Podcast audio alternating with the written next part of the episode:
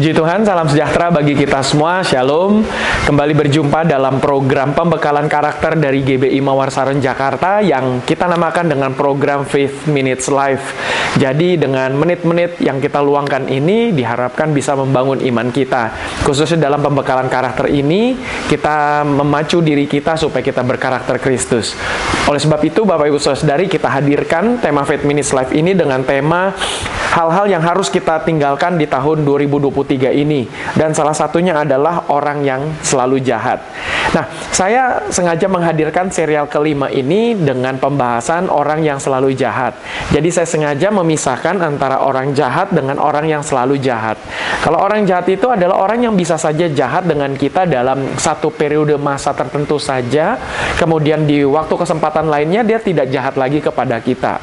Atau misalnya orang tadinya baik, kemudian dia berubah menjadi jahat, ini adalah orang jahat yang hanya dalam satu periode singkat saja.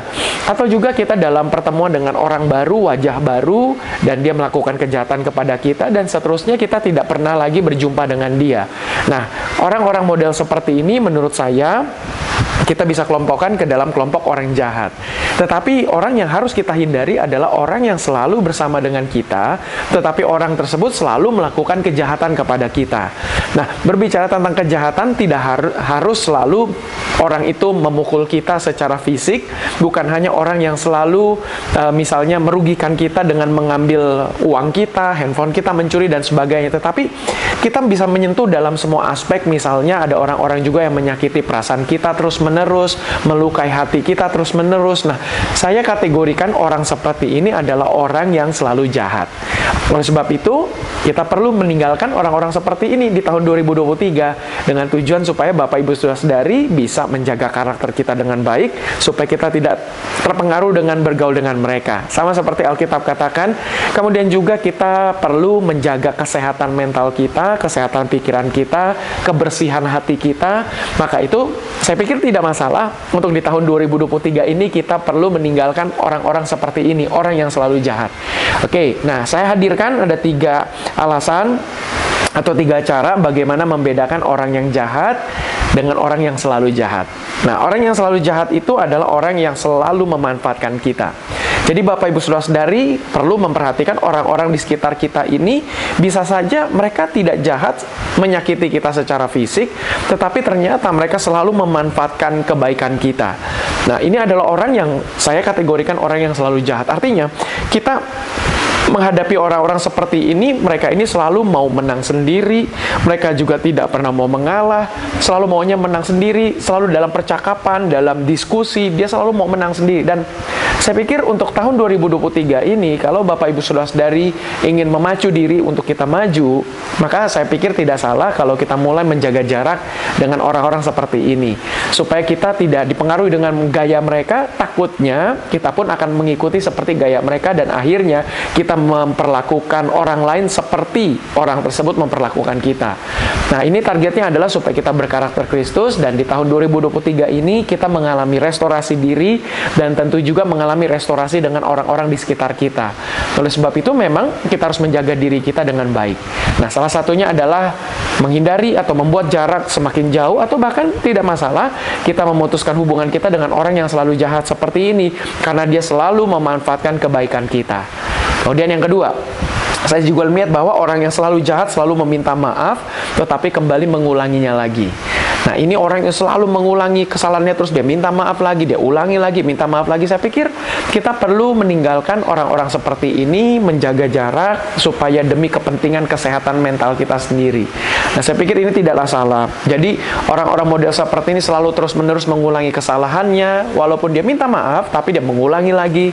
Apalagi kalau misalnya seorang muda-mudi ketika berpacaran, ya kalau namanya masih berpacaran belum menikah dalam keyakinan iman Kristen namanya kalau sudah menikah tidak bisa diceraikan kecuali karena kematian. Maka itu kita melihat bahwa semasa pacaran lihat baik-baik.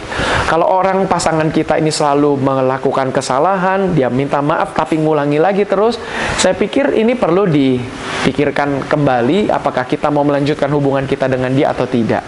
Dalam membangun persahabatan juga, rekan bisnis, teman-teman yang lain, kalau kita punya teman yang selalu melakukan kesalahan dan minta maaf, tetapi mengulanginya lagi, saya pikir mungkin 2023 ini adalah waktu yang tepat untuk kita mencari teman yang baru lagi, untuk mencari uh, rekan bisnis yang baru lagi, mencari teman pergaulan yang baru lagi. Saya pikir kalau kita terus-menerus bergaul dengan orang seperti ini, saya pikir nanti takutnya kita sendiri yang akan merasa menjadi tertekan. Yang ketiga, yang terakhir. Nah, saya juga melihat bahwa orang yang selalu jahat itu benar-benar tega merugikan kita. Nah, saya pikir yang ketiga ini alasannya adalah kalau saya melihat bagaimana orang-orang ini selalu menggunakan kesempatan atau kebaikan kita ini dengan tega dia bisa makan kita, nusuk kita dari belakang, merugikan kita. Saya pikir orang-orang seperti ini sudah waktunya mau tidak mau kita putuskan hubungan, kita mulai menjauh dari orang tersebut demi kepentingan diri kita sendiri. Karena Bapak Ibu sudah sadari, saya sangat yakin kita pun juga mesti harus menjaga diri kita sendiri. Karena siapa lagi yang akan mengurus diri kita sendiri kalau bukan diri kita sendiri? Siapa lagi yang akan menolong diri kita kalau bukan diri kita sendiri? Sendiri. Oleh sebab itu kita harus berani mengambil keputusan. Mungkin teman-teman yang model seperti ini sudah lama bergaul dengan kita, mungkin kita orangnya yang sungkan untuk uh, menjauh, kita orang yang nggak enakan. Saya pikir ini sudah waktunya kita membela diri kita sendiri. Nah, saya pikir ini adalah satu hal yang sangat baik untuk menolong kita semua supaya di tahun 2023 ini kita mengalami restorasi diri. Saya pikir itu saja, saya tidak panjang-panjang menyampaikannya dengan cepat, lugas dan tegas saja. Kiranya apa yang dibagikan ini boleh menolong kita semuanya. Puji Tuhan dan Bapak Ibu Saudara-saudari jangan lupa kalau ada di YouTube silakan subscribe dan juga silakan klik lonceng di akun GB Morsaurun TV supaya Bapak Ibu Saudara-saudari bisa mendapatkan berbagai macam notifikasi apabila ada video-video baru dari akun GBI Mawar Saron TV ini. Dan kalau ada yang di Facebook, Bapak Ibu sudah sadari juga silakan follow dan jangan ragu-ragu untuk memberikan komentar, memberikan pertanyaan. Tim admin akan dengan sangat senang sekali untuk menampung pertanyaan-pertanyaan tersebut dan kita ada rencana ke depannya kita bisa mengadakan diskusi tanya jawab. Puji Tuhan. Nah, Bapak Ibu Saudara-saudari juga di layar ada QR code yang bisa di-scan, boleh di-screenshot, boleh disimpan di galeri handphone supaya ke depannya kalau Bapak Ibu Saudara-saudari bisa ikut terlibat dalam membantu menopang dari program Faith Minutes ini, silakan diberikan kesempatan untuk menopangnya. Terima kasih puji Tuhan, saya tutup dalam doa. Tuhan Yesus terima kasih untuk pembekalan karakter dalam episode minggu ini. Terima kasih secara singkat, padat, lugas kami sudah dipandu supaya kami boleh memilih orang-orang yang ada di sekitar kami dengan baik demi kepentingan untuk diri kami juga tetap sehat, diri kami tetap baik. Terima kasih Bapak, berkati setiap kami, kami yang punya pergumulan hidup Tuhan tolong, kami yang punya sakit penyakit Tuhan sembuhkan dalam nama Tuhan Yesus. Berkati gereja kami GBI Morsaron dan juga Tuhan memberkati bangsa dan negara kami Indonesia. Terima kasih Bapak, dalam nama Tuhan Yesus Kristus kami berdoa dan mengucap syukur. Haleluya. Amin. Baik puji Tuhan, sekian sudah pembahasan karakter, pembekalan karakter Faith Minutes Live dalam episode minggu ini. Kita akan kembali jumpa dalam episode minggu depan. Dan tentu jangan lupa ada program pembekalan Alkitab yang hadir setiap hari Selasa jam 7 malam atau pukul 19.00 waktu Indonesia bagian Barat. Dan tentunya GB Morsaran juga hadir di tengah minggu dalam program ibadah wanita bagi ibu-ibu, gadis-gadis, anak-anak muda, perempuan-perempuan, pemudi-pemudi yang ada waktu kesempatan, boleh luangkan waktu saksikan rekaman ulangnya karena itu pembahasan serialnya sangat menolong dan membantu semua wanita. Dan kalau bisa mengikuti secara live streaming, puji Tuhan, hadir setiap hari Selasa pukul 10.00 waktu Indonesia bagian Barat.